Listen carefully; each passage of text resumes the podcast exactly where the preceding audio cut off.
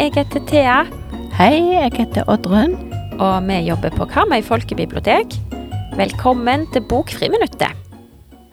I dag skal vi snakke om boka 'Jeg drømte at du drømte om meg', skrevet av Fanny Våger.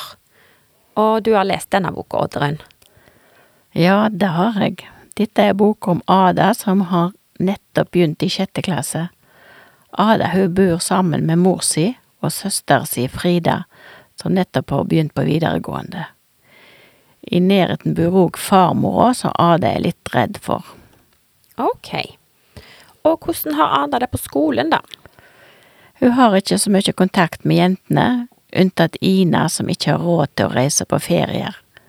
Av guttene så liker hun Viktor best. Rebekk er den fineste og mest populære jenta i klassen. Ada syns hun og flokken rundt henne er teite. De får òg en vikarlærer som hele tida vil være veldig kul. Ada liker han ikke og begynner å få, få problem med matten, som hun var flink i tidligere.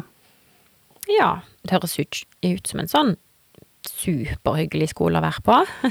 Nei, men hun får mattetime hos farmor si, og de kommer mye nærmere hverandre. Mm.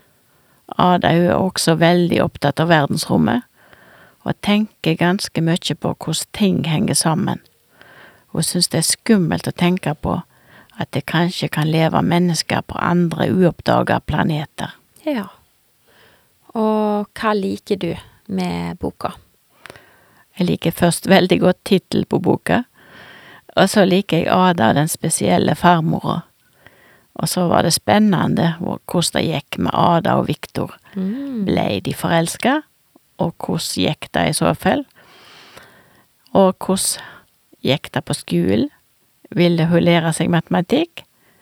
Ville hun tenke sine egne tanker, og ikke bare følge etter de andre på skolen? Ja, det høres fint ut.